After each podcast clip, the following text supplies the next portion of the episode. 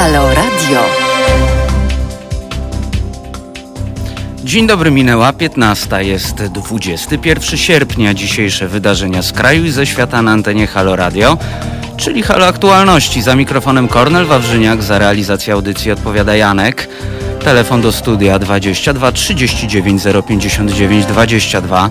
Mail teraz małpahalo.radio. Piszecie też już Państwo do nas na czatach na Facebooku, YouTubie oraz w serwisie Mixcloud, gdzie mamy również muzykę. No, to zaraz zaczynamy, bo mamy dzisiaj e, dużo do powiedzenia.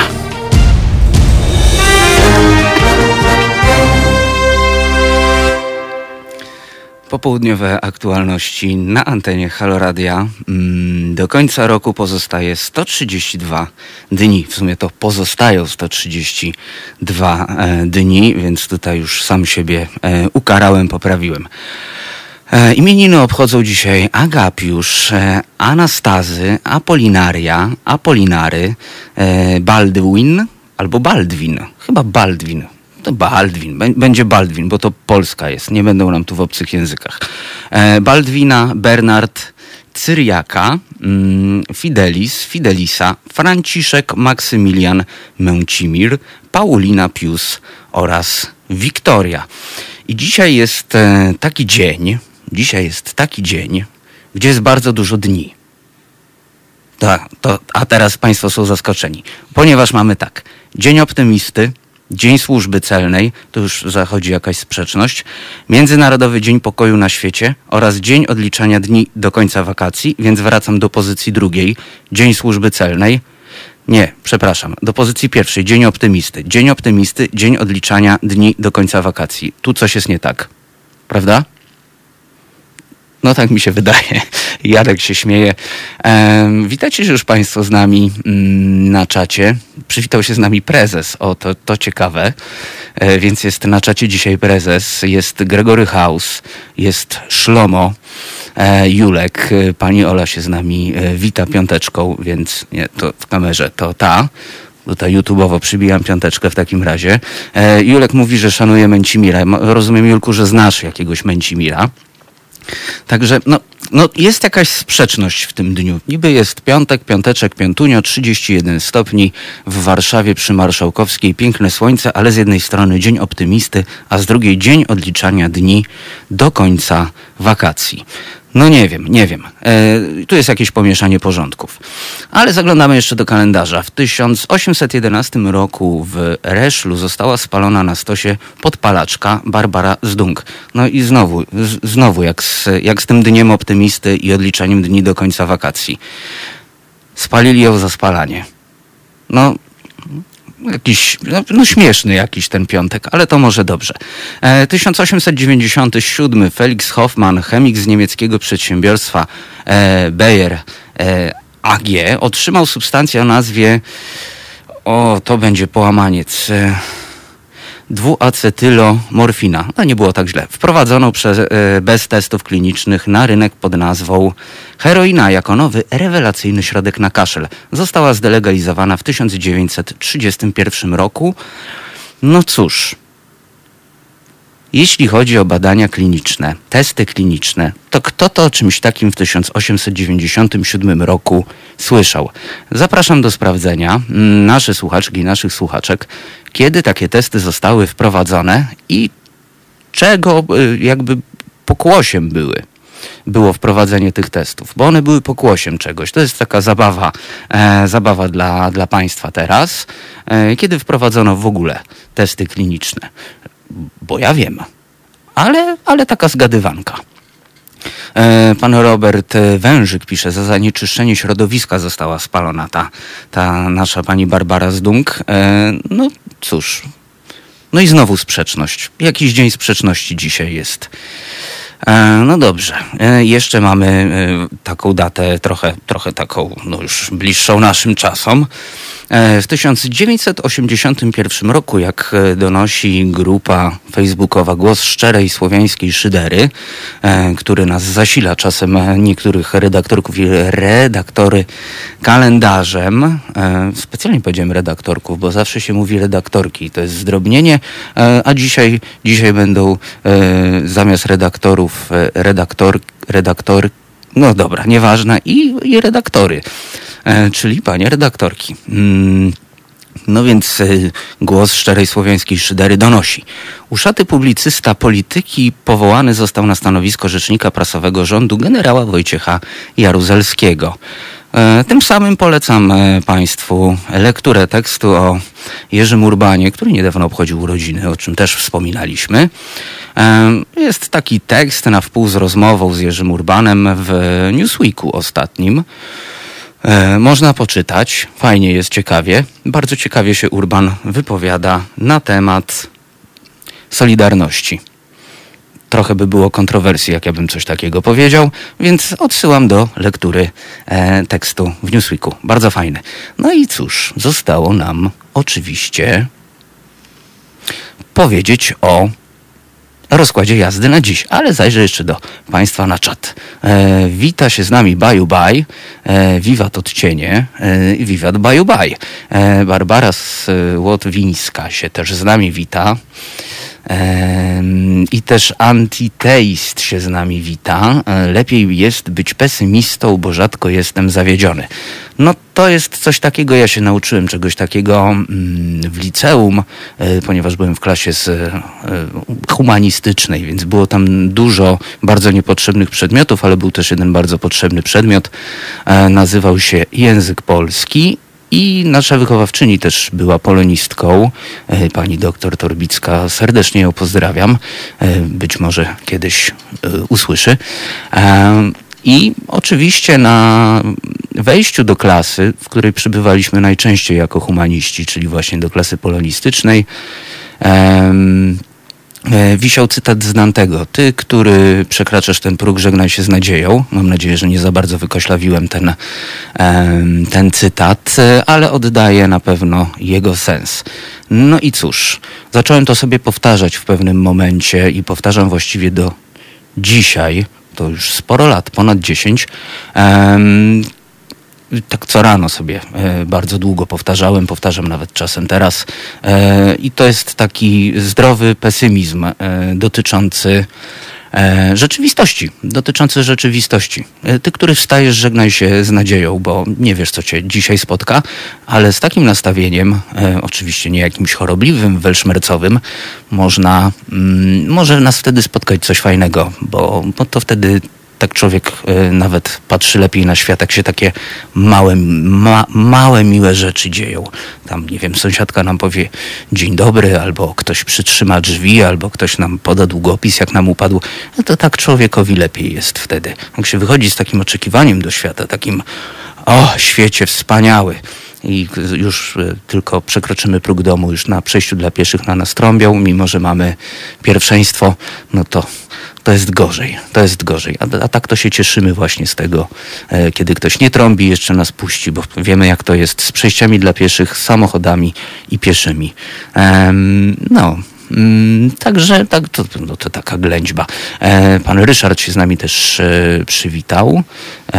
Też jest pani Agnieszka, pan Daniel. Jest też pan Jarosław. Pan Jarosław pisze, urbana żona jest byłą działaczką Solidarności. No cóż, każdym razie było. E, no i rozkład jazdy na dziś. E, najpierw połączymy się z aktywistą Arkadiuszem Brodzińskim e, i porozmawiamy o Europejskim Centrum Filmowym, które ma powstać w Toruniu. Jest to centrum związane z festiwalem Camera Image. To też dosyć ciekawe. Mieszkałem wiele lat w Toruniu i ten festiwal był jakoś tak zwykle pół na pół albo w całości w Bydgoszczy. Odbywał się w... Zdaje się, że cały odbywał się po prostu w operze. E, więc była miejscówka na ten festiwal. No a tutaj teraz po, przyklepano taki, taki wniosek wczoraj. E, poinformowano o tym późnym wieczorem, że tak, będzie budowane Europejskie Centrum Filmowe. Stworzenie całego centrum ma w sumie kosztować 600 milionów złotych, a jak donosi pan Arkadiusz, miasto oszczędza w tym momencie nawet na oświetleniu ulic i na kursowaniu autobusów. No i jest, jeszcze pozostaje jedna kwestia, bo to jednak Toruń. A co z tym wszystkim będzie miał wspólnego, bo na pewno będzie miał coś wspólnego, co będzie miał z tym wspólnego ojciec Tadeusz Rydzyk? No bo na pewno będzie miał coś wspólnego. No to, to zobaczymy. E, także zadzwonimy do Torunia i dowiemy się. Mm, potem, zgodnie z umową zawartą przed półfinałem Ligi Mistrzów w środę, e, no, udało nam się i połączymy się dzisiaj z redaktorem Michałem Polem z kanału sportowego e, i pogadamy o niedzielnym finale Ligi Mistrzów. No bo umówiliśmy się, że pogadamy. Taka była umowa. No a że jutro nie ma aktualności, bo jest sobota, a finał jest w niedzielę, no to taka prosta życiowa matematyka. Piątek, gadamy o Lidze Mistrzów. E, no zobaczymy. Paris Saint-Germain kontra e, właśnie Bayer, e, Monachium. No zobaczymy, czy, czy, czy, czy tak można liczyć na tego Lewandowskiego, czy wreszcie będzie ten puchar nad głową, tak, taki Ligi Mistrzów, taki będzie, będzie dzierżył, czy nie. No bo ma taki sezon, że chyba zasługuje. Przynajmniej nasz e, redakcyjny kolega, e, redaktor Krzyżaniak tak e, mówi. No ja jestem gotów się zgodzić z tym stwierdzeniem. Potem połączymy się z politolożką profesor Renatą Minkowską-Norkien z Instytutu Nauk Politycznych UW i porozmawiamy między innymi o nowym ministrze spraw zagranicznych. Porozmawiamy też pewnie o nowym ministrze zdrowia. No i ogólnie zastanowimy się nad tym zamieszaniem. E, prezes pisze, że Bayer rozjedzie to Paris Saint-Germain. No dobrze, będę miał ten komentarz prezesie z tyłu głowy, mm, no bo jak już mówił e, redaktor Pol, rzeczywiście Bayer idzie jak walec. Mm, no to, no to może rozjadą. E, cóż później? Później tego mogliście Państwo nie widzieć, na naszych kanałach społecznościowych, bo to taka mała niespodzianka. E, tuż, tuż przed audycją mi się jeszcze udało. Mm, połączymy się właśnie z rzeczonym redaktorem e, Wojtkiem Krzyżaniakiem i porozmawiamy o wczorajszym odwołaniu redaktora Strzyczkowskiego w Radiowej Trójce. E, no, zakładam, że zapewne usłyszymy, mm, a nie mówiłem. Także to w drugiej godzinie naszego spotkania o 16 Wojtek się z nami połączy i porozmawiamy e, z Wojtkiem, który jest wszak nie tylko głosem szczerej słowiańskiej szydery, ale również medioznawcą, e, więc będziemy gadać. E, a na sam koniec nasze studio przy Marszałkowskiej odwiedzi redaktor Tomasz Piątek, e, który ma kolejne świeżutkie rewelacje. Porozmawiamy o współpracy polskiej policji z firmą e, BGI, którą to Amerykanie podejrzewają o wygradanie danych z DNA, a firma ta bardzo prężnie rozwija swoją działalność dzięki współpracy z polską policją w Polsce. No i zobaczymy, jakie zagrożenia może nieść działalność tej firmy. E, no, o wszystkim najlepiej opowie nam oczywiście redaktor piątek. E, no, także zapowiada się dzisiaj ciekawie. Gregory House e, pyta, jaki Bayer? E, Bayer Full. A właśnie a propos muzyki. 22 39 059 22 oraz mail do nas teraz małpahalo.radio i przykro mi, ale nie będzie Bayer Full, a będzie Blue Oyster Club w Don't Fear the Reaper. Słuchajcie powtórki programu. Halo Radio. 15.19 na haloradiowych zegarach 22 39 059 22 to kontakt z nami taki telefoniczny, klasyczny do radia. Jest też mail teraz małpahalo.radio oraz bardziej nowocześnie YouTube, Facebook oraz serwis Mixcloud e, również z muzyką do słuchania.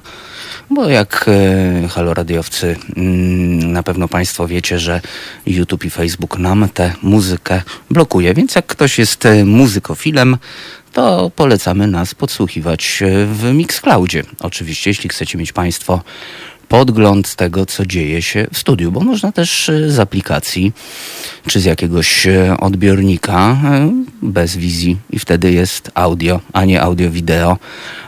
Na łączach jest już z nami aktywista, mm, niezależny aktywista, pan Arkadiusz Brodziński. Porozmawiamy sobie o Europejskim Centrum Filmowym, które ma powstać w Toruniu. Dzień dobry. Dzień dobry, witam serdecznie. Całe to, e, cała ta impreza ma kosztować 600 milionów złotych, a jak donosi pan na swoim Facebooku, w tym momencie miasto oszczędza nawet na oświetleniu ulic czy kursowaniu autobusów. Dokładnie tak jest. Y, mm, wiele osób, które patrzy na mm, tą inwestycję, czy możliwą inwestycję z zewnątrz, zapewne e, uważa, że jest to świetna rzecz, która przytrafiła się e, mojemu miastu e, Toruniowi. Natomiast ja patrzę na tę inwestycję z punktu widzenia zwykłego mieszkańca Torunia i okazuje się, że 600 milionów, które chce wydać w sumie mm, samorząd plus budżet centralny, bo 400 milionów ma pójść z budżetu centralnego, miasto Toruń ma dołożyć 200 milionów. Jest y, w tych czasach no, inwestycją, można powiedzieć, y, kompletnie nieracjonalną, kompletnie błędną, kompletnie mm, niezgodną z oczekiwaniami mieszkańców miasta. Ja tu... Panie mhm. Arkadiuszu, jeśli mogę wejść w słowo, bo myślę, że to jest istotne, a ja torunianinem byłem wiele lat. E, trzeba też wspomnieć, że stoi hala sportowa na Bema, ogromny obiekt, e, który też nie jest jakoś specjalnie zagospodarowany, e, bo nie dzieje się tam tak wiele, jak miało się dziać. I w centrum Torunia jest też Centrum Kultury e, Jordanki, też duży obiekt. Bardzo dużo obiektów, które powstało w Toruniu, nazywane te obiekty są przez mieszkańców Torunia pomnikami e, Mm, stawianymi ku czci e, panującego nam prezydenta Zaleskiego. E, pierwszą taką inwestycją dla ludu, w cudzysłowie oczywiście, to oprócz wymienionych przez Pana była najnowocześniejsza mm, arena żużlowa w Europie, może i na świecie, która wykorzystywana jest, kosztowała też kilkaset milionów złotych, wykorzystywana jest nie wiem, może pięć razy w roku przez e, pięć razy godzinę, czyli de facto może maksymalnie te imprezy, które się tam odbywają, odbywają się w czasie roku, trwają no, około 5 godzin, nie wiem ile mecz trwa, około godziny, może trochę więcej, okej, okay, powiedzmy, że 10. Hala sportowa tak samo postawiono ogromny obiekt z bieżnią lekkoatletyczną i powstał obiekt, który jest do wszystkiego i do niczego, bo nie jest dedykowany, znaczy jest dedykowany lekkoatletyce, której w Toruniu e, nie ma i mm, ten obiekt jest de facto niewykorzystywany w takim wymiarze, jak powinien być wykorzystywany, ponieważ oprócz imprez, które tu są, za które miasto płaci, e, tak de facto e, ten tartan, który jest tam w środku w tej hali nie jest wykorzystywany. No i trzecie oczywiście wymienione przez Pana mm, Centrum e, Jordanki, które absolutnie, jeżeli chodzi o sam festiwal filmowy Camera Image, są wystarczającej wielkości obiektem, żeby ten festiwal mógł się odbywać tutaj w Toruniu. Myślę, że warto jeszcze e, wspomnieć naszym słuchaczom o pewnych e, tarciach między prezydentem miasta a marszałkiem województwa, którzy tak się zawsze trochę ścierają e, i, i prowadząc taką wojenkę między sobą, pewną wizerunkową, prześcigają się właśnie w takich pomysłach na budowanie nowych rzeczy, organizowanie nowych rzeczy.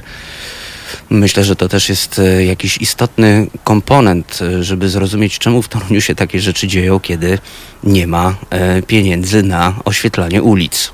Pozornie ten spór, który widzimy, tak naprawdę można powiedzieć, że, że mm, go nie ma, ponieważ Toruń, region jest na tyle specyficznym mm, punktem na mapie Polski, że w tym mieście mm, poprzez oczywiście tutaj bardzo, bym powiedział, pragmatyczne podejście pana prezydenta Zaleskiego.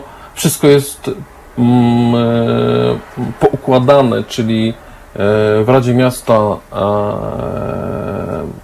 ugrupowania pana Zaleskiego sojusznicy PiS i Platforma się nie kłócą, ponieważ każdy dostał e, swój zakres gdzieś tam odpowiedzialności i też konfitur w tym mieście i w regionie.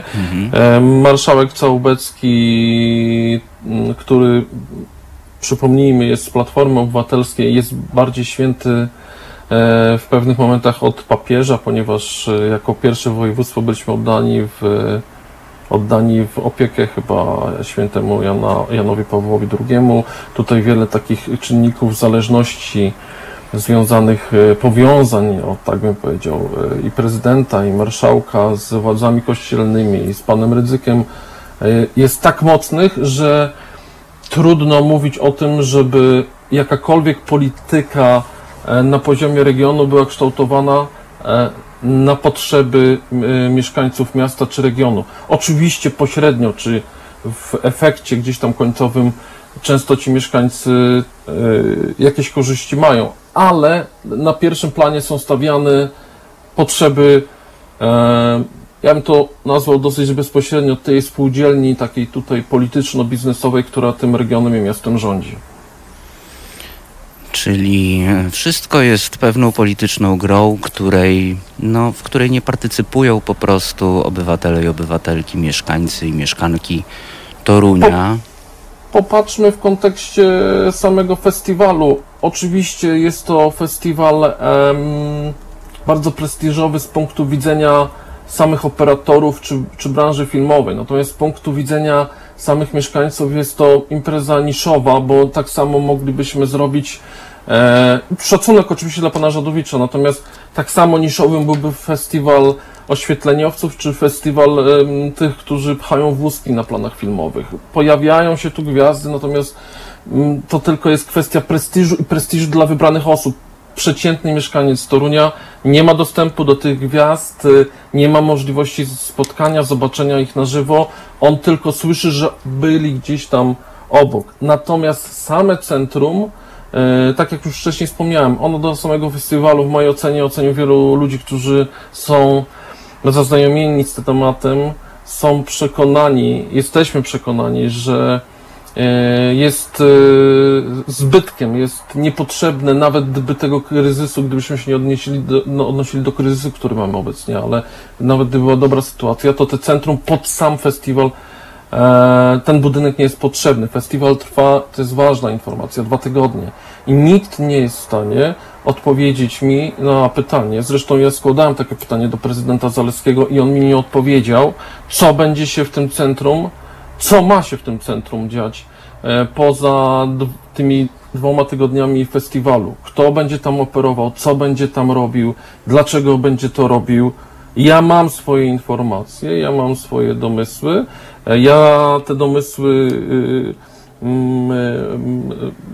mam na nie coraz więcej potwierdzeń i zadałem pytanie w lutym, przepraszam, w marcu tego roku e, panu prezydentowi Zaleskiemu, prezydentowi Torunia, czy prawdą jest, że mm, budynek, który państwo razem z miastem Toruń chce stawiać, e, mm, czy ten budynek będzie służył nie tylko festiwalowi, ale także przyszłym inwestycjom i planom e, pana Tadeusza Ryzyka, który tutaj, jak wiemy, ma e, szkołę wyższą medialną i wiele innych inwestycji.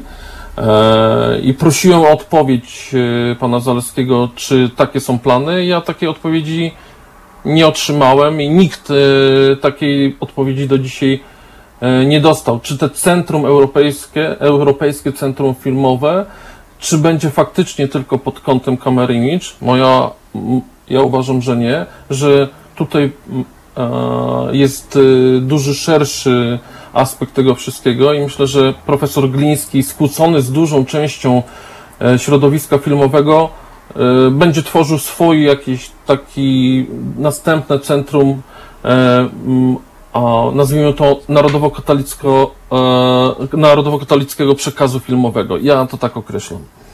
Czyli można powiedzieć, że idziemy w tym momencie w stronę takiej rydzykalizacji kultury albo zgliszczenia kultury. Dokładnie. Wiemy, co się dzieje z mediami, co się dzieje z niezależnym dziennikarstwem. Pan to na pewno wie lepiej ode mnie. I ja uważam, że następnym etapem, planem, który ta obecna władza sobie, że tak powiem, zaplanowała, następnym etapem jest kwestia zrobienia w cudzysłowie porządku z y, przedstawicielami nieza, niezależnych y, w tej chwili nie mediów, ale niezależnych y, filmowców, tak?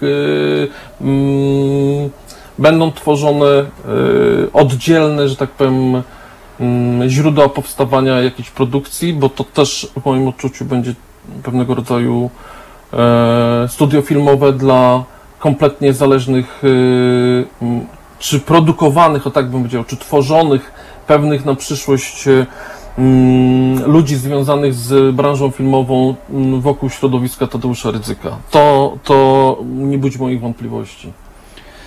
Panie Arkadiuszu, e, bardzo dziękuję za komentarz.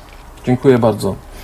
E, był z nami pan Arkadiusz Brodziński, niezależny aktywista który jest e, przez prezydenta miasta Torunia, można powiedzieć, że wręcz znienawidzony. Tak, tak pan Arkadiusz e, depcze prezydentowi Zalewskiemu po piętach. No cóż, w Toruniu można powiedzieć bez zmian. A już za chwilę łączymy się z redaktorem Michałem Polem e, i porozmawiamy o zbliżającym się, bo już w niedzielę będzie mecz. A jaki będzie mecz? No finał Ligi Mistrzów będzie więc będziemy rozmawiali o harataniu w gałę. Słuchajcie powtórki programu.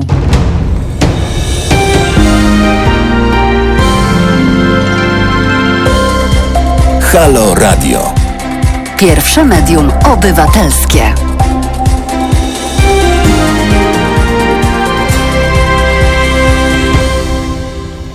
Popołudniowe pasmo w Halo Radio z aktualnościami 22 39 059 22 oraz mail do nas teraz małpahalo.radio. Piszecie Państwo na naszych czatach na YouTubie, na Facebooku oraz w serwisie Mixcloud, gdzie jest nas aż 110%, bo oprócz gadania można tam podsłuchiwać również e, muzykę. No i co? W niedzielę finał Ligi Mistrzów. E, e, Paris Saint-Germain spotka się w finale z Bayernem Monachium, a na łączach jest z nami redaktor Michał Pol. Dzień dobry panie redaktorze. Dzień dobry, witam serdecznie. Może zacznijmy od 3, wyniku 3-0 mm, w półfinale.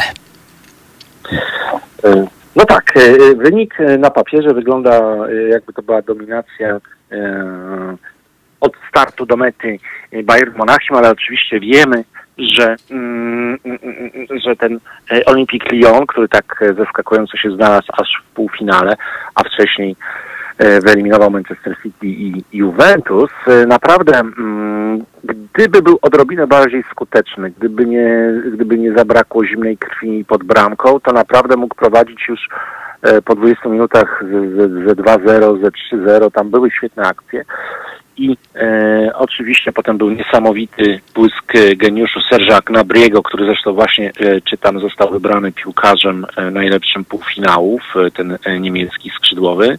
Niechciany kiedyś w Arsenalu, co dzisiaj nie mogą przeboleć e, kibice mm, kanonierów. E, jego dwie bramki na koniec już w drugiej połowie gol Roberta Lewandowskiego, taki pieczętujący e, wynik, ale, ale naprawdę bardzo taka ciekawa postawa i dużo zagrożenia ze strony piłkarzy Olimpiku Lyon, co oglądając trener PSG Thomas Tuchel, który jest świetnym taktykiem, świetnym strategiem, myślę, że miał sporo y, rzeczy do zapisania, bo ta e, defensywa Bayernu naprawdę jest do nad, nadkruszenia. Y, ten mecz pokazał, że obrona y, gdzie gra Dawid Alaba i Jerome Boateng, czyli um, zwłaszcza ten drugi, no, no, no nie, nie, nie, nie, nie szybkościowcy, um, będą mieli bardzo duże problemy z tym niesamowitym ofensywnym tercetem e, PSG, um, z Neymarem, z Kilianem Mbappé i z Angelem Di Marią. Ich dwóch z nich nie zagrało w meczu z RB Lipsk nie, z Atalantą, przepraszam. Y, I, i, I rzeczywiście PSG się bardzo długo męczyło. Dopiero w końcówce strzeliło bramki w 89 minucie, 94, ale z Lipskiem to już była dominacja i w ogóle ten mecz y, finałowy powinien być jakimś pięknym spektaklem, bo obie drużyny nie bronią. Obie drużyny wszystkie swoje y, zalety mają w ofensywie i chcą z niej korzystać. No, Bayern ma najskuteczniejszego napastnika świata Roberta Lewandowskiego, już 55 bramek w tym e, sezonie, 15 w tej edycji Ligi Mistrzów. Już dwóch goli lewemu brakuje, żeby wyrównać do 17, 17 goli w jednej edycji, a pamiętajmy, że gra mniej e, spotkań niż e, Portugalczyk, no bo przecież nie ma, nie ma rewanży, jest tylko jeden mecz. I w ogóle Bayern ma tercet najskuteczniejszy teraz na świecie z Tomasem Millerem, Gnabrim i Lewandowskim. Mm, e, ponad e, wspólnie 90 e, bramek w sezonie, do tego Müller rekordzista asyst w historii Bundesligi w tym sezonie. Gnabry też sporo asyst. Gnabry w ogóle już 9 goli strzelił w tym sezonie Bundesligi, jest trzecim najlepszym strzelcem. No ale tam jednak jest, są ci czarodzieje, naprawdę, bawiący się tą piłką. Przecież pamiętamy gole Y, Neymar piętą odgrywający w locie w powietrzu do, do, do Di Marii, ten strzela, więc myślę, że padnie, powinno paść sporo, sporo bramek, bo yy, yy, może bramkarz Manuel Neuer, mistrz świata, tak, jeden pewnie z top 5 obecnie bramkarzy na świecie, yy, a w PSG tylko rezerwowy, Sergio Rico, ale, ale myślę, że tam jest dwóch bardzo dobrych środkowych, jest Thiago Silva, jest Y, ten Kim Pembe, też mistrz świata, francuski młody, y, że, że, że pewnie ten mecz, kto strzeli więcej, ten, y, ten wygra, tak? To naprawdę może być taki emocjonujący finał z jakimś, nie wiem, gdy mnie pytają, to trochę to jest marzenie, ciężko coś typować, ale, ale tak mi się wydaje, że może być 2-2, dogrywka, w dogrywce jeszcze po, po golu obie strony i, i rzuty karne, tak? Bo naprawdę wydaje mi się, że 50 do 50 e, są szanse rozłożone e, absolutnie porówno i, i, i no, no, no, no, najwybitniejsi obecnie w najlepszej formie po pandemii piłkarze ze sobą się spotkają, nie ma tu żadnego przypadku, nie ma tutaj żadnego y, jakiegoś cudu po drodze. Rzeczywiście y, były ciekawe y, y, występy wcześniej.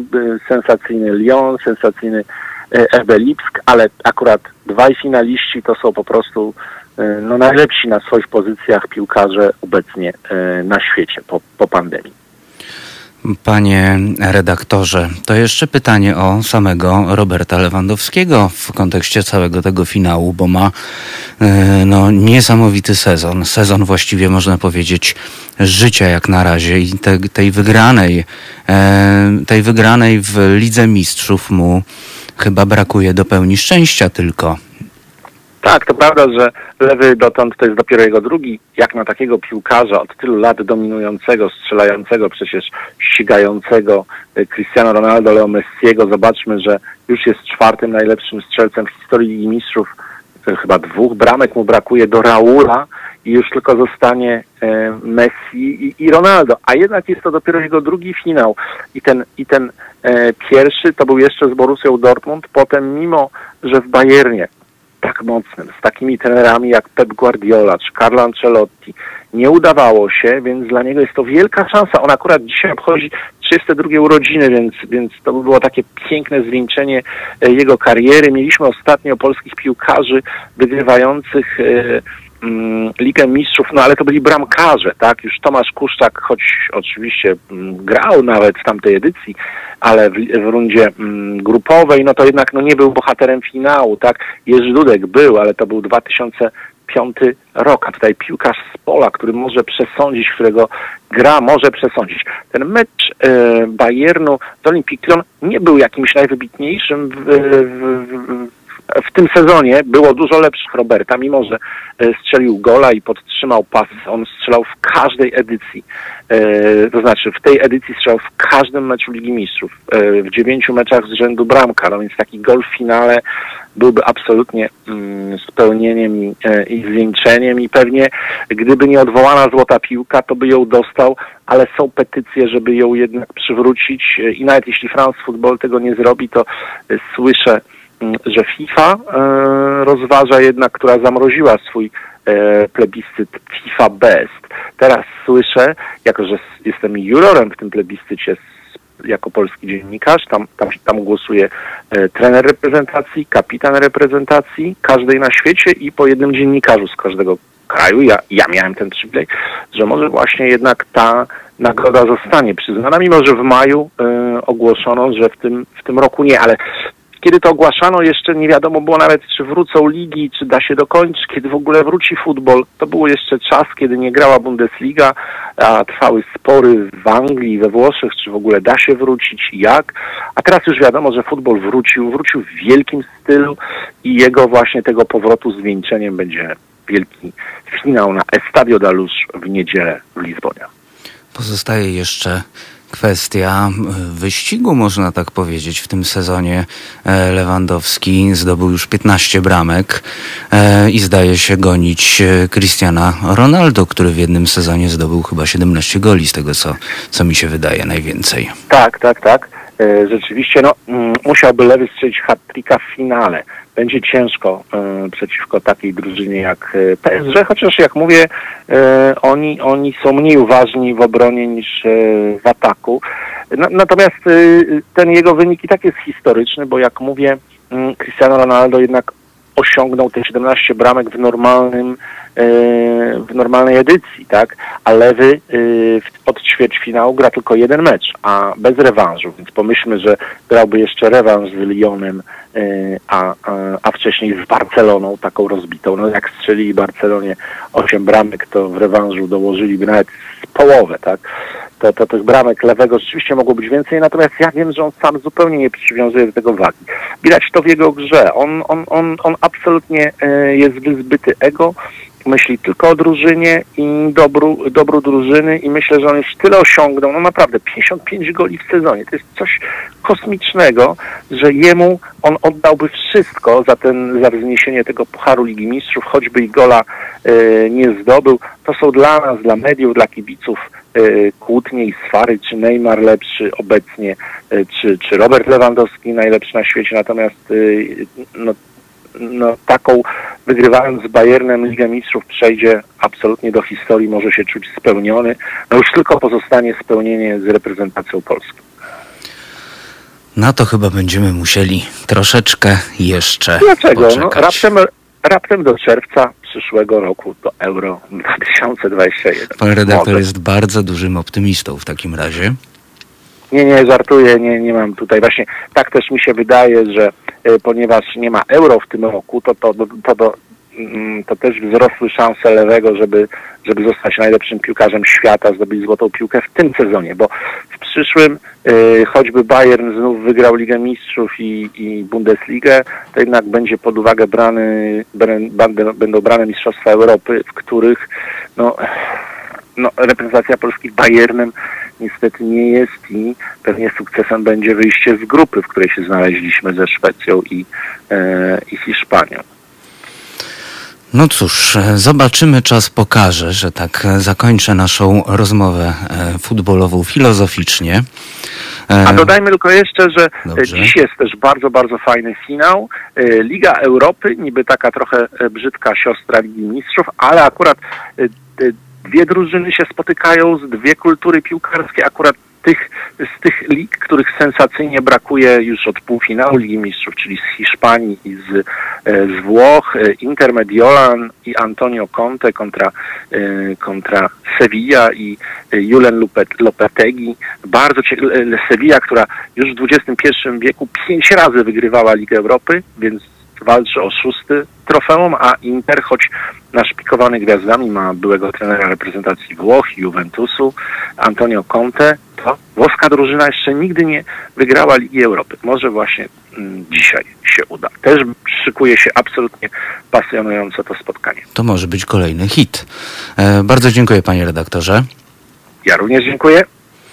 Do usłyszenia. Mm, Był z nami redaktor Michał Pol, obecnie kanał sportowy.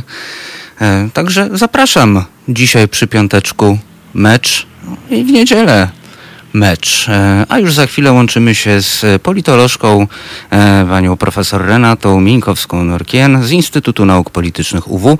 Porozmawiamy między innymi o nowym ministrze spraw e, zagranicznych. Do usłyszenia. Słuchajcie powtórki programu.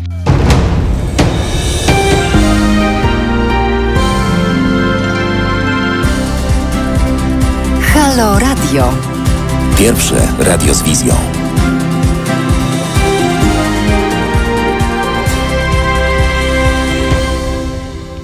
15.52 22 39 059 22 oraz e, mail do nas teraz małpahalo.radio piszecie Państwo cały czas na czatach na YouTubie, Facebooku oraz w serwisie Mixcloud.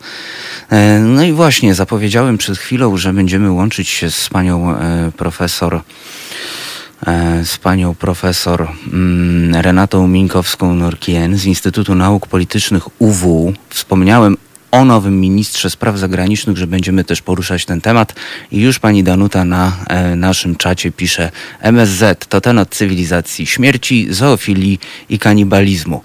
No, mm, Zbigniew Rau, y, temat, y, temat, y, no gruby temat. E, Dzień dobry pani profesor. Dzień dobry, panie redaktorze. Tak, temat grupy, to prawda.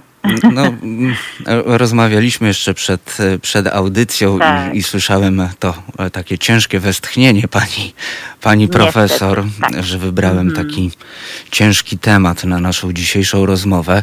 No ale cóż, Tak, to jesteśmy to, jesteśmy, jesteśmy winni to poświęcenie e, naszym słuchaczkom i, i Słuchaczom. słuchaczom, zdecydowanie. Tak, e, to znaczy temat jest gruby, no pewnie dlatego, że, że sama nominacja jest oczywiście w pewnym sensie kontrowersyjna. to prawda. E, tak, już, już mówię, dlaczego ja tak uważam. To znaczy, e, po, po pierwsze, oczywiście odejście pana ministra Jacka Czaputowicza, zresztą mojego kolegi z katedry polityki Unii Europejskiej, um, który ma szafkę nade mną, um, jest e, kontrowersyjna, dlatego że odchodzi w bardzo trudnym momencie dla Polski, to znaczy w momencie, kiedy e, po naszej wschodniej, za naszą wschodnią granicą rozgrywają się bardzo istotne przemiany polityczne, bardzo gwałtowne też. Mówię to o Białorusi, ale to, co się stało z Nawalnym ostatnio, to też jest na pewno jakiś tam element em, pewnego rodzaju strachu, pewnie też Putina, albo chęci pokazania, że a, to, co się dzieje na Białorusi, e, gdyby miało się zadziać też na przykład w Rosji, e, czyli rzeczywiście opozycja zyskałaby wiatr w żagle, e, to e, skończyłoby się dla mm, opozycjonistów, takich jak na przykład Nawalny, em, źle. No, w, przypadku Nawalnego wiemy o, o, o próbie otrucia, natomiast y, w przypadku Białorusi wiemy o tym, jak Łukaszenka się rozprawił z opozycjonistami.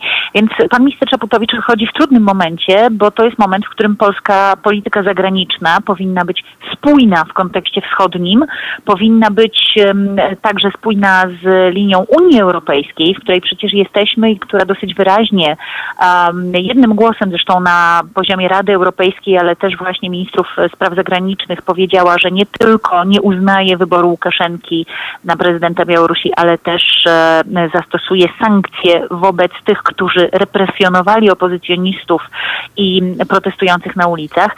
No i w takim momencie nie tylko odchodzi minister Jacek Czaputowicz, ale na jego miejsce przychodzi człowiek, który e, wsławił się nie tylko swoimi słowami czy promowaniem takiego, um, takiej postawy e, walki z LGBT, walki z wartościami europejskimi, które opierają się na prawach człowieka, ale to też jest człowiek, który wsławił się tym, że akceptował, a nawet pochwalał e, rozmaite akcje ONR-u w Łodzi, który e, no, miał nie dopuścić do objęcia urzędu przez panią prezydent Hannę Zdanowską w Łodzi właśnie, który niejednokrotnie wypowiadał się e, negatywnie o, o prawach człowieka w tym rozumieniu powiedzmy zachodnim, który także w, wielokrotnie w swoich wypowiedziach chwalił PiS, bardzo powiedziałabym tak e, bezkrytycznie o tak, który zmienił którąś z ulic w Łodzi bodajże też nawet na, na, na ulicę Lecha Kaczyńskiego, co zresztą zostało później zakwestionowane przez sąd.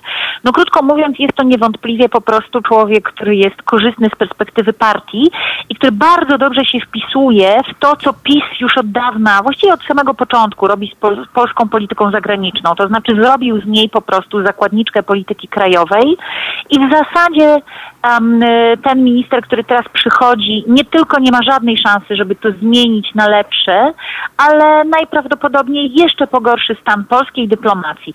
By, być może Jarosław Kaczyński oczekuje od niego, że on też będzie bardziej żarliwy w dekomunizowaniu Ministerstwa Spraw Zagranicznych, o co oskarżał Jacka Czaputowicza, to znaczy zbyt małą żarliwość.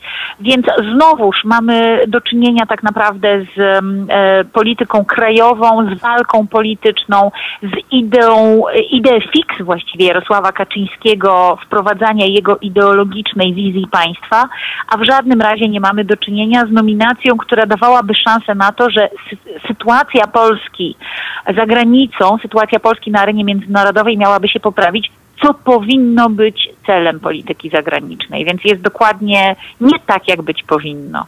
Stąd to moje westchnienie też ciężkie. Pani profesor, być może zadam dosyć kłopotliwe być może pytanie, mhm. ale widać, widać, widać, widać wyraźnie od, od pewnego czasu w działaniach Zbigniewa mhm. Ziobro, e, że po prostu mhm. chce uderzyć w premiera Mateusza Morawieckiego, że e, mhm. cała ta walka z ideologią LGBT jest taka mocno mhm. E, ideologią, oczywiście w cudzysłowie, żeby ktoś mnie potem nie, nie oskarżył, że ja, mhm. że ja tak mówię.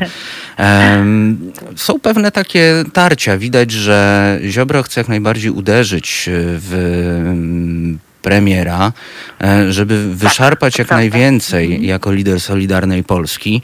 I to, to też jest mhm. ciekawy wybór, jeśli chodzi o właśnie Zbigniewa Rau e, na tak. ministra spraw zagranicznych bo on jest kolejną taką niewygodną, zdaje się, figurą również dla premiera. Dla pana premiera. Oczywiście. To znaczy tak, tu jest kilka, powiedziałabym, e, kwestii, które warto by wziąć pod uwagę.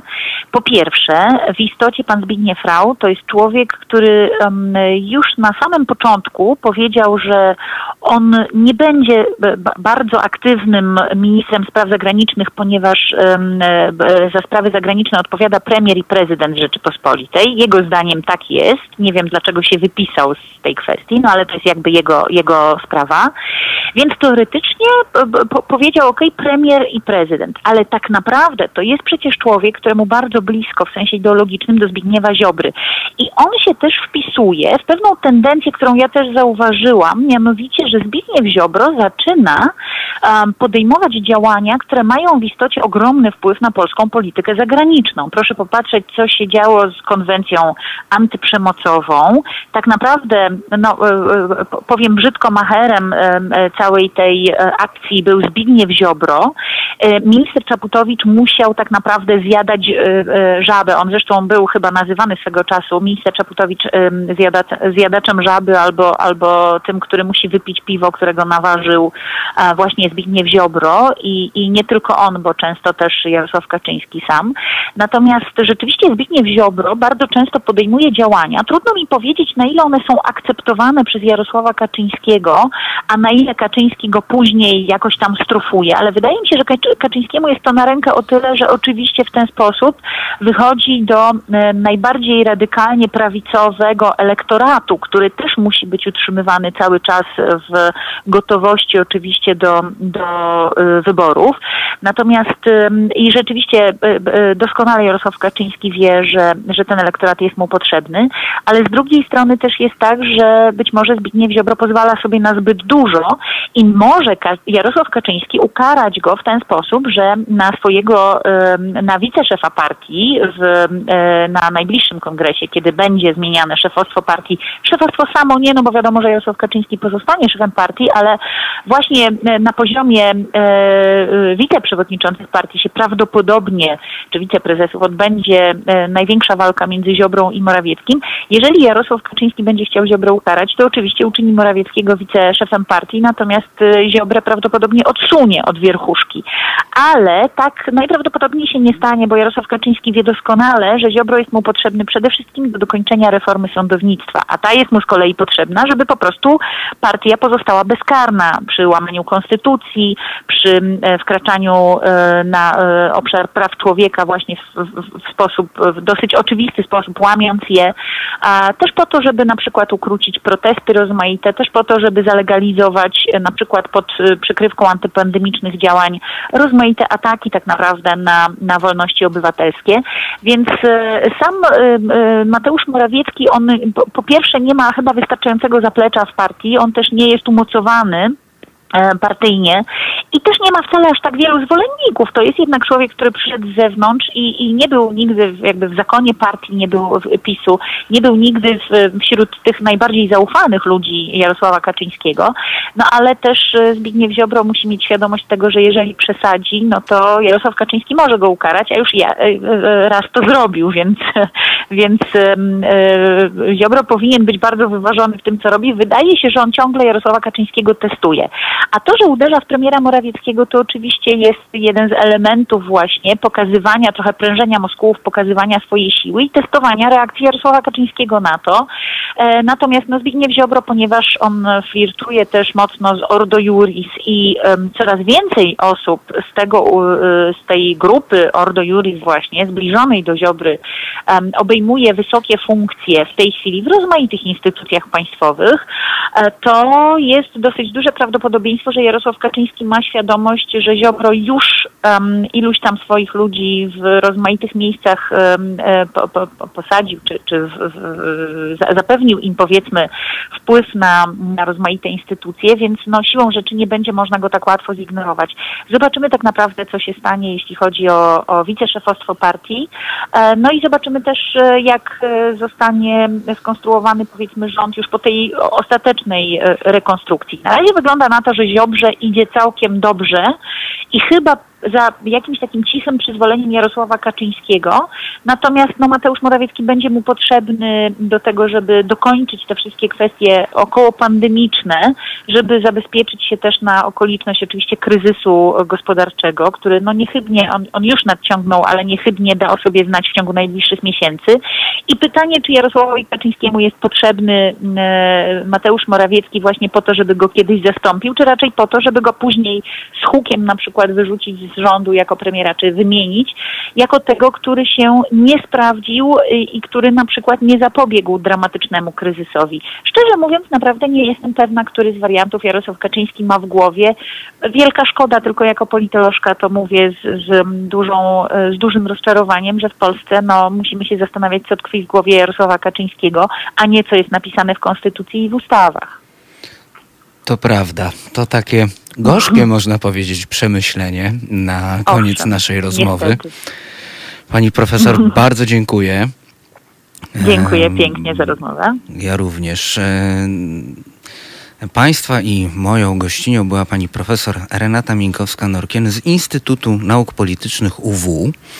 E, a już za chwilę połączymy się z jakże ukochanym przez państwa redaktorem Wojtkiem Krzyżaniakiem, z którym porozmawiamy e, niejako również z głosem szczerej słowiańskiej szydery, ale e, Wojtek e, opowie nam, a raczej porozmawia z nami e, jako medioznawca o zwolnieniu redaktora Strzyczkowskiego z radiowej Trójki. No myślę, że rozmowa bardzo szybko albo nawet rozpocznie się od powiedzenia, a nie mówiłem, to już za chwilę. Słuchajcie powtórki programu.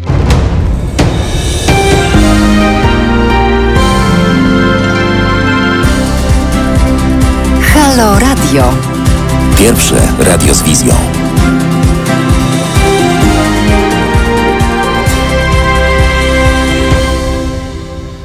16.07 to popołudniowe pasmo z aktualnościami w Halo Radio. Przypominam, telefon do nas 22 39 059 22 oraz komunikację epistolarną teraz małpahalo.radio. Można też oczywiście pisać z nami na czatach YouTube, Facebook oraz serwis Mixcloud. A z nami jest już redaktor Wojtek Krzyżaniak i będziemy rozmawiali o sytuacji w Trójce. Cześć Wojtku. Trójce, czyli jeszcze trzeciego powinniśmy mieć. Jesz no tak. A to Janek siedzi, rozmowy. słuchaj. Janek siedzi z nami, więc No, powiedzmy, więc że jest takim milczącym Więc trzecim. rozmawiamy w trójce. Rozmawiamy w trójce o trójce. E, trojku lubić.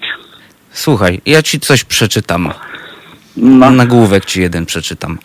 Po odwołaniu Kuby Strzyczkowskiego nowe władze trójki przejęły także anteny. Znikają starzy dziennikarze, ich programy prowadzą inni. To już koniec kultowego radia, mówią. Ależ zaskoczenie.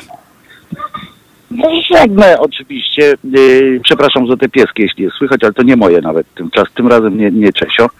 Yy, jeżeli yy, mówić o Kubie Strzyczkowskim, no to po prostu został wystawiony, został yy, oszukany, yy, wykorzystany jak przy całej mojej sympatii do niego akurat, jak tak zwany pożyteczny idiota, tak, który, który uwierzył. Ja zresztą w życiu też byłem kilka razy w takiej sytuacji, że e, uwierzyłem swoim przełożonym e, w to, że e, coś jest słuszne, tak, że, że warto dla jakichś idei e, coś zrobić w tym sensie, że warto, nie dość, że to nie twoja firma na przykład, prawda, bo to nie jest jego firma, a on swoją twarz e, trochę, no powiedzmy sobie tak delikatnie, bo nie chce być dla niego zbyt e, ostry, bo nie zasłużył sobie w sumie chyba na to, em, no rozmienił po prostu, tak, dał twarz złej sprawie. E, W i dobrej wierzę. W to, że on w dobrej wierze w to właśnie, że w dobrej wierze, w, w, absolutnie dobrej wierze. Mm, Natomiast to było do przewidzenia. Tam były zakłady przecież o to, czy, to będzie, czy wytrzymają miesiąc po wyborach. E, Bo chodziło o to, żeby, żeby zamknąć e, twarze wszystkim krytykom mm, w kwestii przy wyborach, tak, żeby nie było mm, tych wszystkich e, jazd, jakichś powodów do, do narzekań i tak dalej, i tak dalej.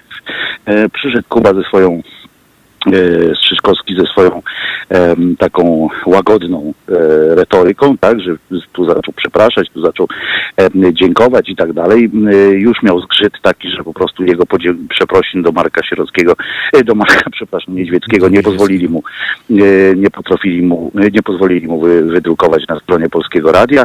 E, e, Raz dostał e, przytyczek w nos, że się niepotrzebnie wypowiada, potem e, wyszła dyrektywa, żeby, nie dyrektywa, nawet tylko polecenie, żeby w ogóle nikt z radia nie, nie mógł nic mówić, e, co było właśnie między innymi e, e, krokiem w tę stronę, żeby Kubie po prostu Strzyczkowskiemu zakazać gadać, e, bo nikt inny z radia nie, nie, nie zabierał głosu.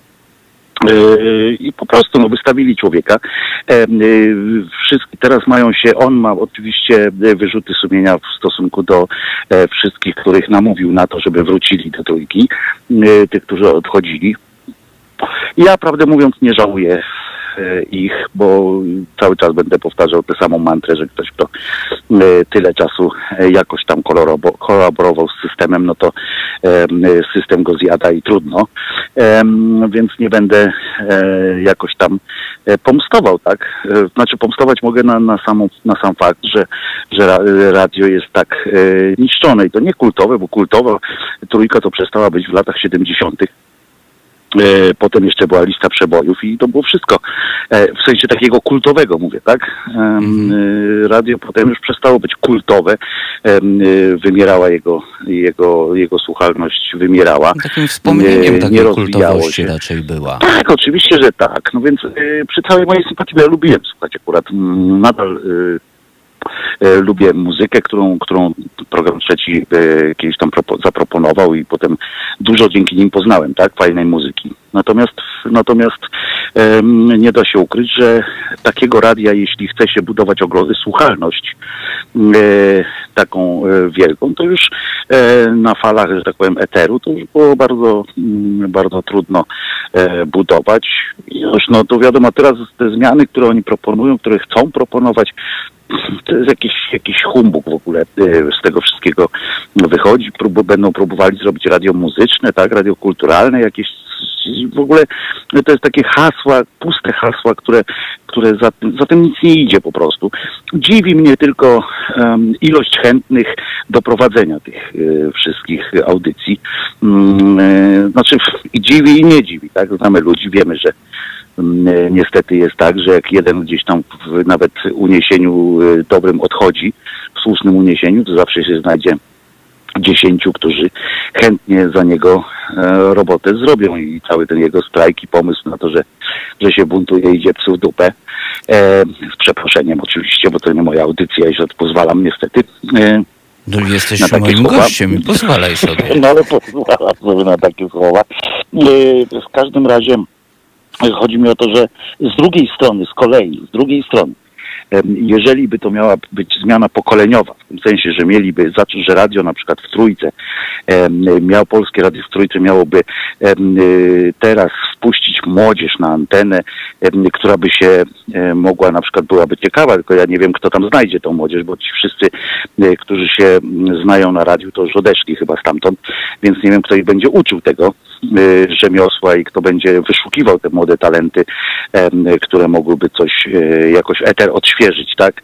Em, Bo, bo sam pomysł taki, żeby odświeżyć trójkę był bardzo dobry w, w, swojej, w swoim założeniu, tak? Żeby, żeby poprzeplatać trochę, powprowadzać nowych, e, bo tak się tak samo się robiło z tą trójką e, kiedyś, tylko że to było radio dla młodych, które e, niestety zrobiło się tak, że w pewnym momencie e, z tego radia dla młodych e, to cały czas się starzeli razem, tak, słuchacze razem z, e, z nadawcą.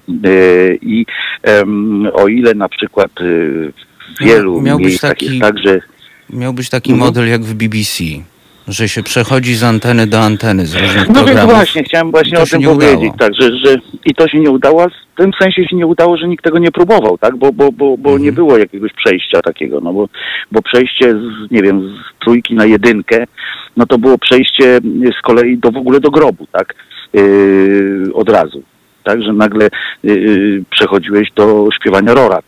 Yy, Albo do Zdzisławy Sośnickiej z całym szacunkiem dla niej, ale że tylko Zdzisława Sośnicka, tak? Yy, z polskiego repertuaru w takiej jedynce była. W związku z czym to nie było mo- można przejść sobie tak po prostu. A teraz, kiedy można teoretycznie, bo w jedynce jest też więcej muzyki, to już nie ma sensu, bo jest, e, e, bo są radia internetowe, bo jest e, Spotify, jeżeli chodzi o muzykę, bo jest no serie, cała seria YouTube i tak dalej, gdzie potrzeba przewodników, gdzie przewodnik jest bardzo ważny. Tu jest akurat rola na przykład takich ludzi jak Wojciech Mann czy Marek Niedźwiecki. Na tym polega już teraz, tak? Nie na tym, że że oni puszczają tam muzykę i będą em, i się będzie ich słuchało całymi dniami, tylko że oni też e, jakby moderują twoje wybory. I, i, I teraz, o ile kiedyś nie było dostępu i trzeba było po prostu nagrywać i słuchać od dechy do dechy e, audycji, to teraz wystarczy tak naprawdę wejść na ich stronę i przeczytać mm, e, e, playlistę, tak? E, żeby zobaczyć, co, co tam potem warto w Spotify'u kliknąć na przykład. E, ale to jest fajne, ale, ale w tej trójce, no mówię, jeśli chodzi o, ten, o to zamieszanie, to było do przewidzenia, że Kubę Strzyczkowskiego z Czyszczą on był w ogóle im niepotrzebny do niczego. To jest człowiek, który naprawdę jest y, od polityki, on tam jedni, go, jedni i drudzy go y, oskarżają o stronniczość, więc to jest więc to jest jakiś tam wyznacznik y, tego, że, że chyba naprawdę nie był tam jakoś, chociaż powiązany, chociaż mnie to gówno obchodzi. Znaczy, mnie to nic nie obchodzi, przepraszam. E, Mówiłeś natomiast,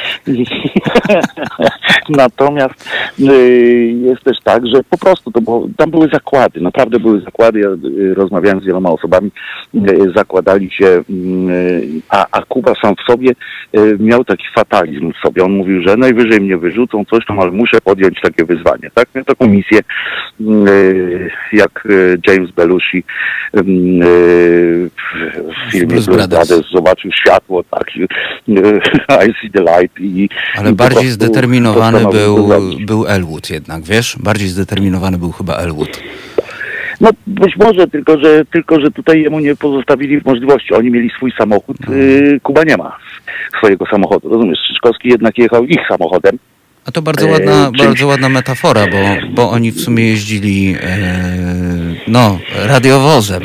Więc to w ogóle... gliniarskim tak. Dodżem, gliniarskim legendarnym, kultowym Dodżem.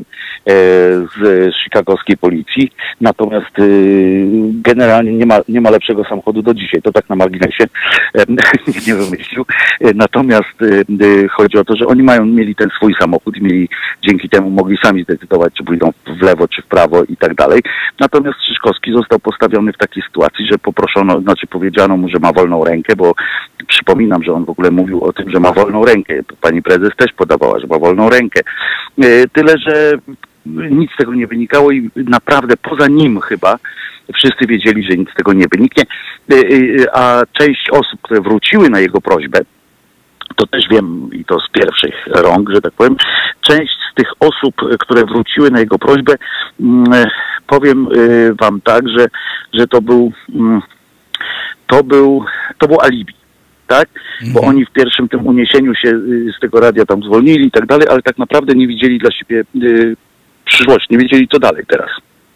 Tak, zwolniliśmy się i co kurwa teraz? Całe życie pracowałem e, w trójce albo całe życie chciałem i tak dalej.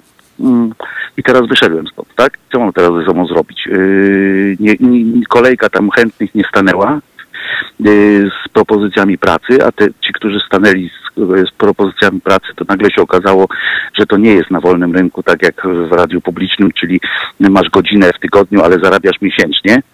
Yy, na, na przykład, yy, że masz pensję normalną, yy, tylko że w, w jakimś tam komercyjnym systemie, jak pracujesz godzinę, to dostajesz za godzinę, tak? Plus mogą ci ewentualnie zwrócić za dojazd.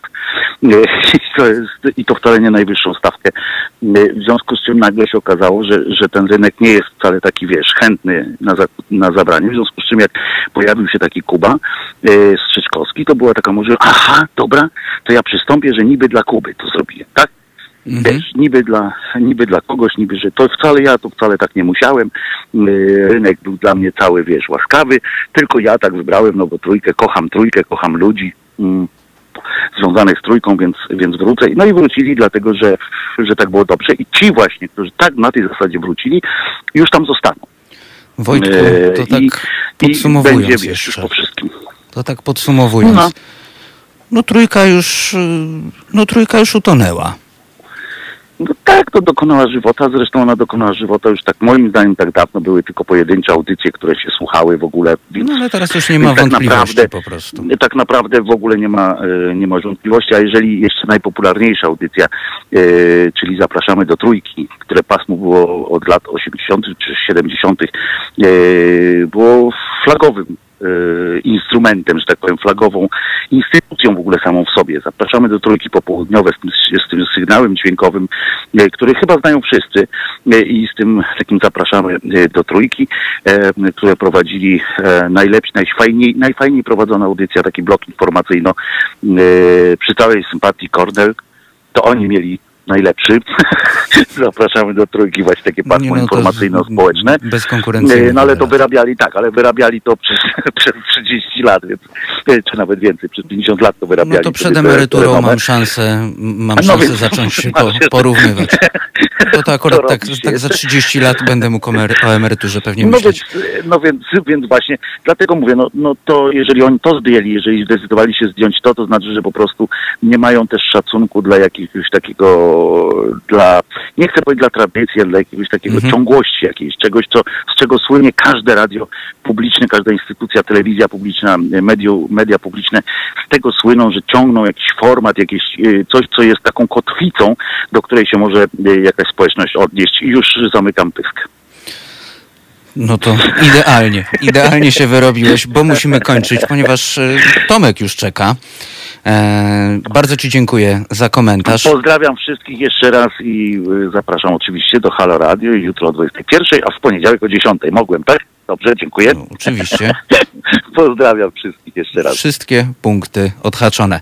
E, Był z nami redaktor Wojtek Krzyżaniak, e, którego słyszycie jutro, e, drodzy Państwo, jak również w poniedziałek. Ale przecież się powtarzam, bo Wojtek przed chwilą to powiedział. No ale cóż, w końcu, tak jak Wojtek powiedział, to moje pasmo. To tak powiedziałem. A już czeka mm, redaktor Tomasz Piątek, więc biegnę po niego. Porozmawiamy o współpracy polskiej policji z firmą BGI BGI, którą Amerykanie podejrzewają o wykradanie danych e, z DNA. O, o, szczegółach porozmawiamy z redaktorem Piątkiem już za momencik. Ja biegnę, Janek puszcza dżingiel, yy, przerywniczek i już za chwilę do Państwa wracamy. Niedzielę po kościele. Od 19 do 21 publicysta i wydawca Marcin Celiński będzie sumować tydzień wraz z gośćmi w studio i z Państwem. 19.21. www.halo.radio. Słuchaj na żywo, a potem z podcastów.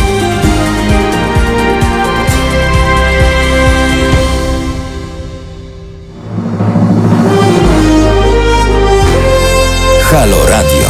Halo Radio, medium obywatelskie. Warto go wspierać, warto go słuchać. Monika Płatek. www.halo.radio ukośnik SOS.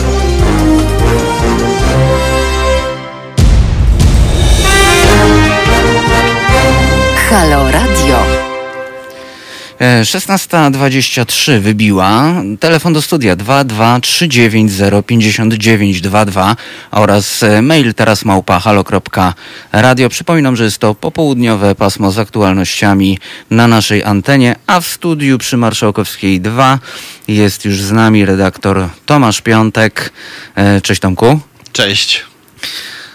Słuchaj, no przed chwilą, dosłownie przed wejściem na antenę y, padło stwierdzenie, że żyjemy już właściwie w y, takiej rzeczywistości serialowej, bo no, wykradanie DNA to już jest naprawdę no, no jak z filmu science fiction właściwie, a jednak dzieje się w Polsce, dzieje się w tym momencie Dzieje się na całym nas świecie. e, i również u nas w kraju.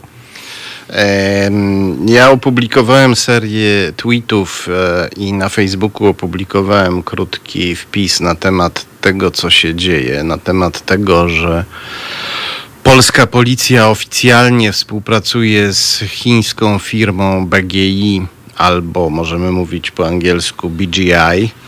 E, Ten skrót oznacza Beijing e, Genomics Institute, czyli e, Pekiński Instytut Genomiki.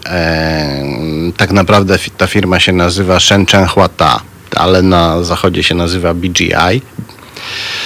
I ta firma jest e, podejrzewana i oskarżana o wykradanie danych, e, o wykradanie informacji e, z ludzkiego DNA i używanie tego, tych informacji w służbie pekińskiego reżimu. I jeśli zapytasz, dlaczego opublikowałem serię tweetów, to dla, a nie artykuł na przykład, to dlatego, że sprawa jest rozwojowa. Pewnie będzie jeszcze artykuł i film, ale śledztwo trwa. E, I e, pojawiły się takie e, komentarze, że ludzi pytających, a po co komuś moje DNA na przykład. E, ponieważ my jesteśmy jak dzieci we mgle i kompletnie nie, nie wiemy, w jakim świecie żyjemy, jaki świat nastał, my w nim żyjemy, my się ciągle łudzimy, że żyjemy 10 lat temu albo 20 lat temu, ale prawidła sprzed 20 lat nie działają. E, Jest e, dostępny w internecie artykuł czasopisma mm, Scientific American, bardzo ciekawy, mm, na temat wykorzystywania DNA. No myślę, że mam nadzieję, że wszyscy wiedzą, że DNA jest wykorzystywane komercyjnie, na przykład do e, badań e, medycznych, do produkcji nowych e, leków, e, ale DNA to jest bezcelna kopalnia ogromnej ilości informacji o człowieku i o populacji, do której należy. Można z DNA się dowiedzieć, jakie ktoś ma preferencje, jakich prawdopodobnie będzie dokonywał wyborów. I e, w Scientific American czytamy o tym, że James Fowler z Uniwersytetu Kalifornijskiego razem ze swoim zespołem naukowym badał relacje między DNA człowieka a jego e, wyborami politycznymi i z jego badań wynika, że nasze wybory polityczne są uzależnione w 60% od naszego DNA. I teraz wyobraźmy sobie, że ogromna baza e, danych e, dotyczących Polski, polskiej populacji, e, trafia w ręce totalitarnego reżimu Chin, który chce nas zdominować gospodarczo i politycznie. No i właśnie coś takiego niestety może się stać, ponieważ polska policja mm, w podjęła współpracę z tą, z tą firmą chińską BGI. Chińskie firmy podlegają chińskiemu reżimowi a e, ta firma jest e, oskarżana w sposób konkretny przez naszych e, sojuszników o to, że wykrada informacje z DNA i przekazuje je do Pekinu. Tam przekazuje je władzom politycznym Chin, chińskiemu reżimowi, który używa tych danych. Według, według przedstawicieli e, amerykańskiego rządu, którzy wypowiadali się dla agencji Reutera. E, ta e, firma mm, BGI szerzy technologie, które są niebezpieczne dla amerykańskiego bezpieczeństwa narodowego.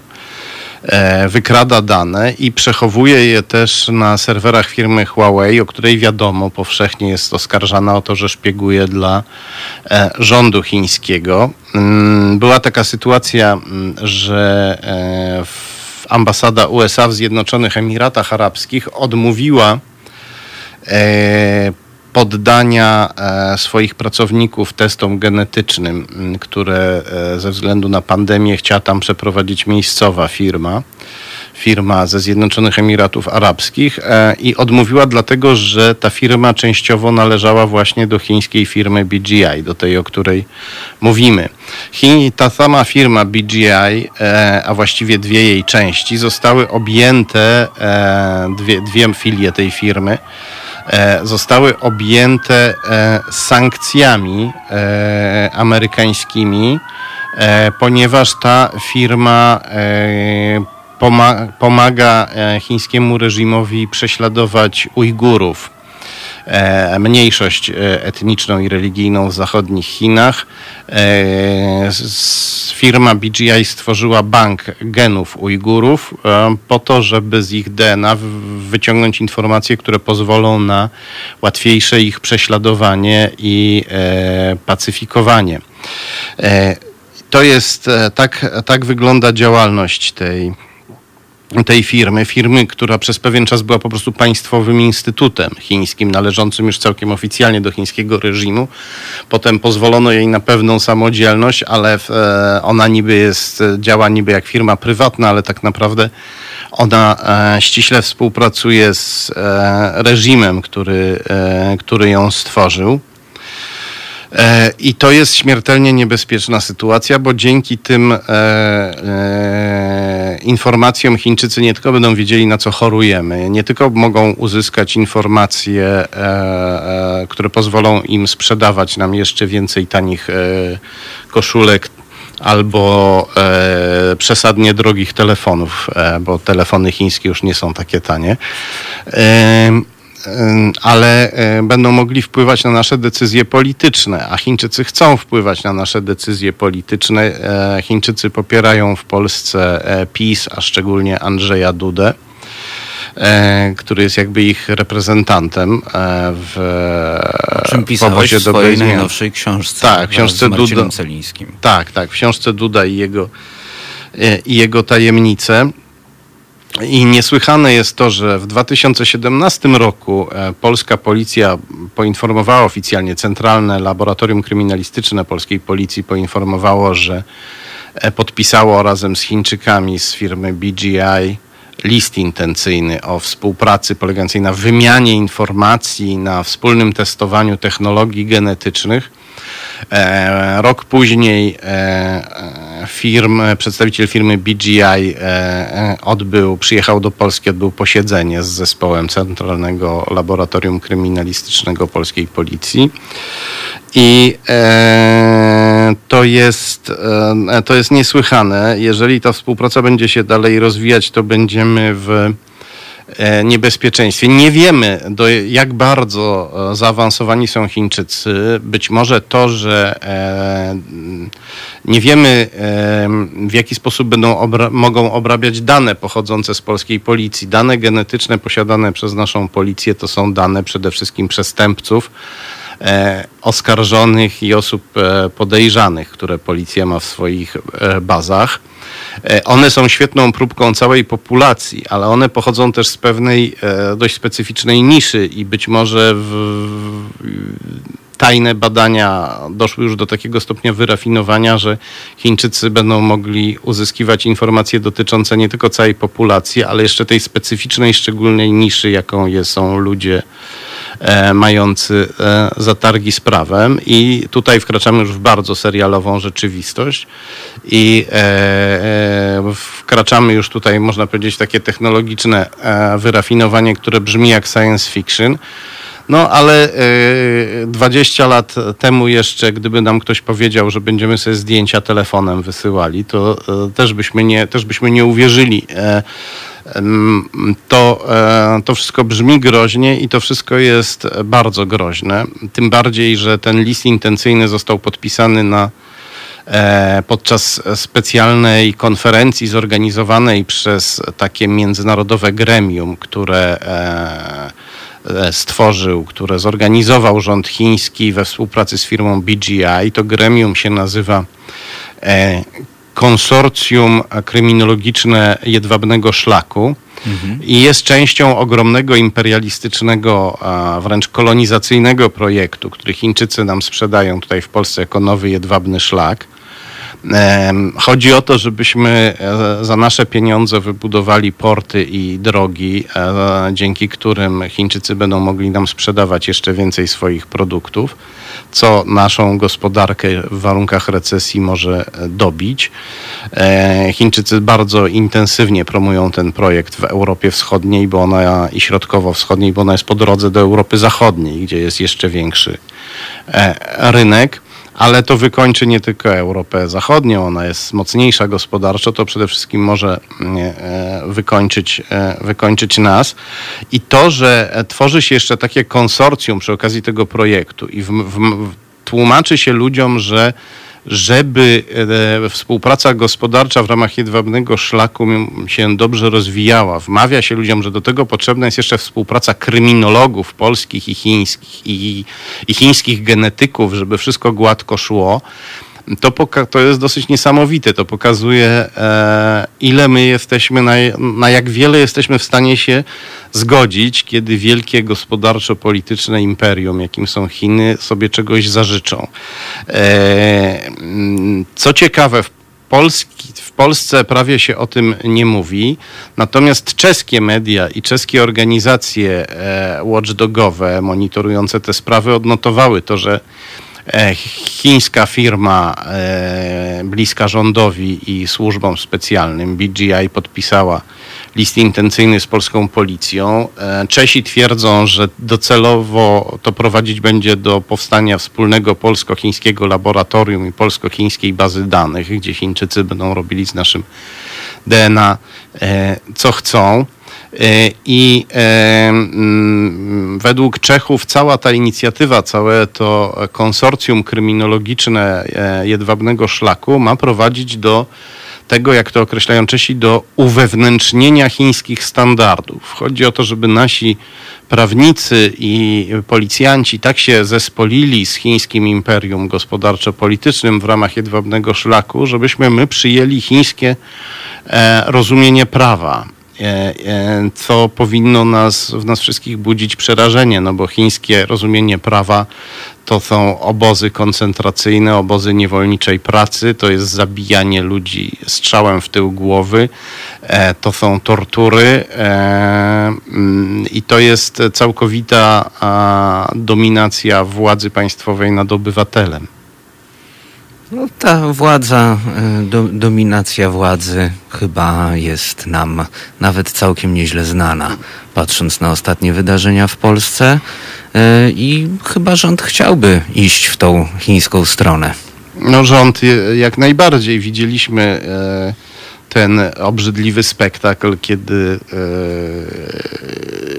płaszczył się premier Mateusz Morawiecki E, na lotnisku przed chińskim reżimem, e, który przysłał nam wadliwe, niebezpieczne dla zdrowia maseczki. E, Morawiecki wychwalał to jako wspaniały dar, który dostaliśmy tylko dzięki przyjaźni i kontaktom prezydenta Andrzeja Dudy z chińskim dyktatorem i mordercą, to trzeba powiedzieć, Xi Jinpingiem.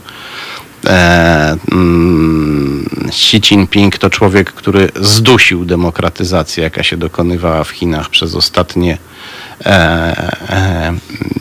dziesięciolecia i chce budować nowy maoizm, czyli e, totalitar, totalitarne państwo terroru, tylko mając e, do dyspozycji takie środki techniczne, o jakich chińscy komuniści w latach 50. nie mogli sobie nawet, e, nawet e, pomarzyć. Czy tu dopatrujesz się takiej, można powiedzieć, e, miękkiej technologii e, zarządzania e, takim e, totalitaryzmem, żeby ona tak z wierzchu wyglądała dużo lepiej niż w latach 50. Tak, dużo lepiej. Oczywiście to ma być totalitaryzm względnego dobrobytu. Oczywiście w Chinach teraz przy pandemii poziom życia spadnie, ale to władz chińskich e, e, nie martwi, bo oni wiedzą, że ich potęga opiera się na tym, że Chińczyk e, pracuje za e, słynną miskę ryżu. E, I e, e, oni uważają, że Chińczycy to nawet trochę za bardzo się wzbogacili, stąd się zaczęło im jakiejś demokracji zachciewać, więc trzeba im przykręcić śrubę i zacisnąć i zacisnąć pasa i dokonać, e, potanić koszty pracy, czyli e, obniżyć płace w Chinach i jeszcze więcej eksportować dzięki temu tanich produktów. Mm, Wiedzą, że e, Zachód też zbiednieje, więc chętniej będzie kupował tanie chińskie produkty niż swoje drogie produkty. E, Tak próbują wykorzystać to wielkie nieszczęście, jakim jest, e, jakim jest pandemia. Tu warto dodać, że ten e, samolot z maseczkami został e, e, załatwiony w Chinach dla Polaków przez e, chińską firmę HXZA, która ściśle współpracuje z e, chińską bezpieką, e, łapie e, ludzi e, należących do za, zabronionych w Chinach organizacji podziemnych, e, porywa ich bezprawnie, nawet z punktu widzenia chińskiego prawa, przetrzymuje w tajnych e, więzieniach.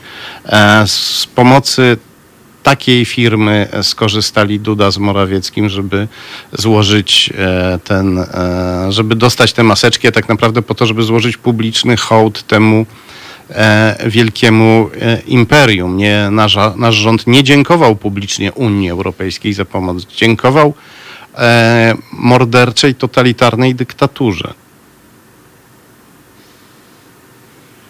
No, tutaj nie mam zbyt wiele do dodania, bo to jest szczera, e, niepodważalna prawda.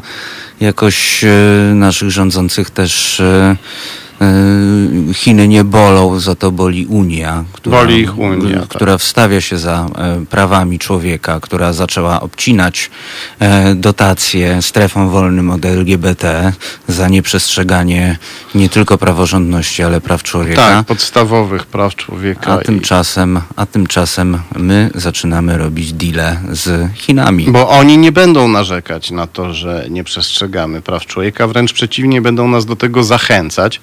Tu przypominam e, publikację z kwietnia tego roku. E, publikowałem o tym e, też wpisy na Facebooku, film. Otóż naszych policjantów szkoli Chińczyk, który przedstawiciel chińskiej uczelni, która jest uczelnią chińskiej bezpieki, chińskiej służby bezpieczeństwa i policji. Przylatuje do Szczytna i ich szkoli. I ciekawe, czego on ich szkoli. Ostatnio widzimy, że prowokacje, których dokonują nasze służby, są coraz bardziej wyrafinowane i nasuwa się pytanie, od kogo nasze służby specjalne się tego uczą. Te nasze tekturowe, paździerzowe służby, z których się zawsze śmieliśmy. Czy to za Platformy, czy za PiS. No, e, e, tak, e, w latach 50., w czasach stalinizmu, Urząd Bezpieczeństwa, czyli komunistyczna służba specjalna, miał u siebie doradców tak zwanych sowieckich, takich nazywano. Oni funkcjonowali jako Polacy, spolszczali sobie nazwiska, mieli w, tym Urzędzie Bezpieczeństwa Polskie stopnie oficerskie. Po 56 roku ich wyrzucono. Dzisiaj e, doradca rosyjski by nie przeszedł, bo jesteśmy na to uczuleni. Natomiast e, chiński instruktor jakoś nikomu nie przeszkadza, że do naszej policji przyjeżdża przedstawiciel bezpieki e, totalitarnej, morderczej dyktatury i szkoli naszych policjantów. Muszę ci też przyznać, że Byłem siódmego e, na protestach i rzeczywiście to, jak w tym momencie wygląda policja podczas protestów, bo okazuje się, że z, zgodnie z przepisami można chodzić bez e, identyfikatorów w takim tłumie. E, na dodatek oczywiście, no to, to nie jest pretekst, ale bardzo przerażająco wygląda też to, że ci policjanci są zamaskowani. Widać wie- tylko nie, oszy. Nie oczy. wiemy, czy są policjantami. Był poruszany taki wątek, Tak. owszem. E, No cóż, e, szef policji przed Senatem e, mówił też, że nie było za- zatrzymanej, która została zgwałcona, ani nie było też człowieka z zakupami, którego ja widziałem na Wilczej, jak go zawijają. Także, także trudno też powiedzieć, czy rzeczywiście wszyscy ci ludzie w mundurach byli, byli policjantami. Będziemy, e, będzie nas czekała ogromna praca, żeby po pierwsze odbudować e, policję, kiedy ta władza upadnie już, a i, i, i zbudować nasze służby specjalne, bo tak naprawdę nigdy ich e, nie mieliśmy. W, nigdy, nigdy one w pełni nie działały tak, jak powinny. Gdyby one działały w pełni, gdyby politycy mieli do nich też zaufanie, a często, często mieli powody, żeby nie mieć, a często bezzasadnie też były takie przypadki, nie mieli zaufania i lekceważyli ostrzeżenia tych służb specjalnych. Gdyby one funkcjonowały, gdyby tak jak trzeba, to mm, prawdopodobnie nigdy e, antyzachodnia e, i antyeuropejska partia, jaką jest PiS, nie, nie doszłaby do władzy.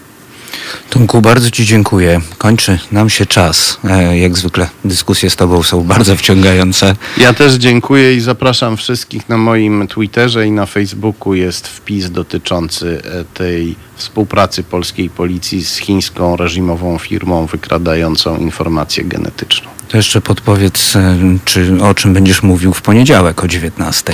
Będę prawdopodobnie mówił jeszcze Będziesz o tej sprawie, tak, tak.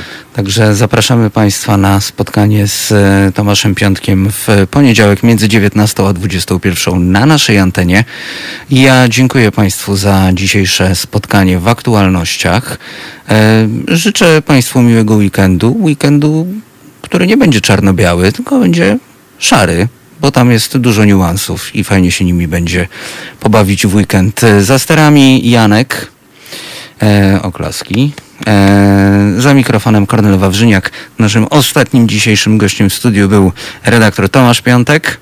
Dziękuję bardzo. Życzymy Państwu miłego weekendu, a już za chwilę wspaniała, fantastyczna Beata Kawka w rozmowach bardzo osobistych. Do usłyszenia.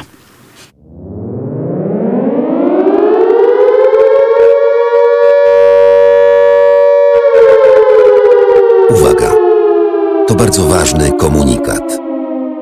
Nowa stacja na rynku internetowym, realizująca najtańszy format programowy, jakim jest muzyka z udziałem słowa, twierdzi, że na swoje utrzymanie potrzebuje 250 tysięcy złotych miesięcznie.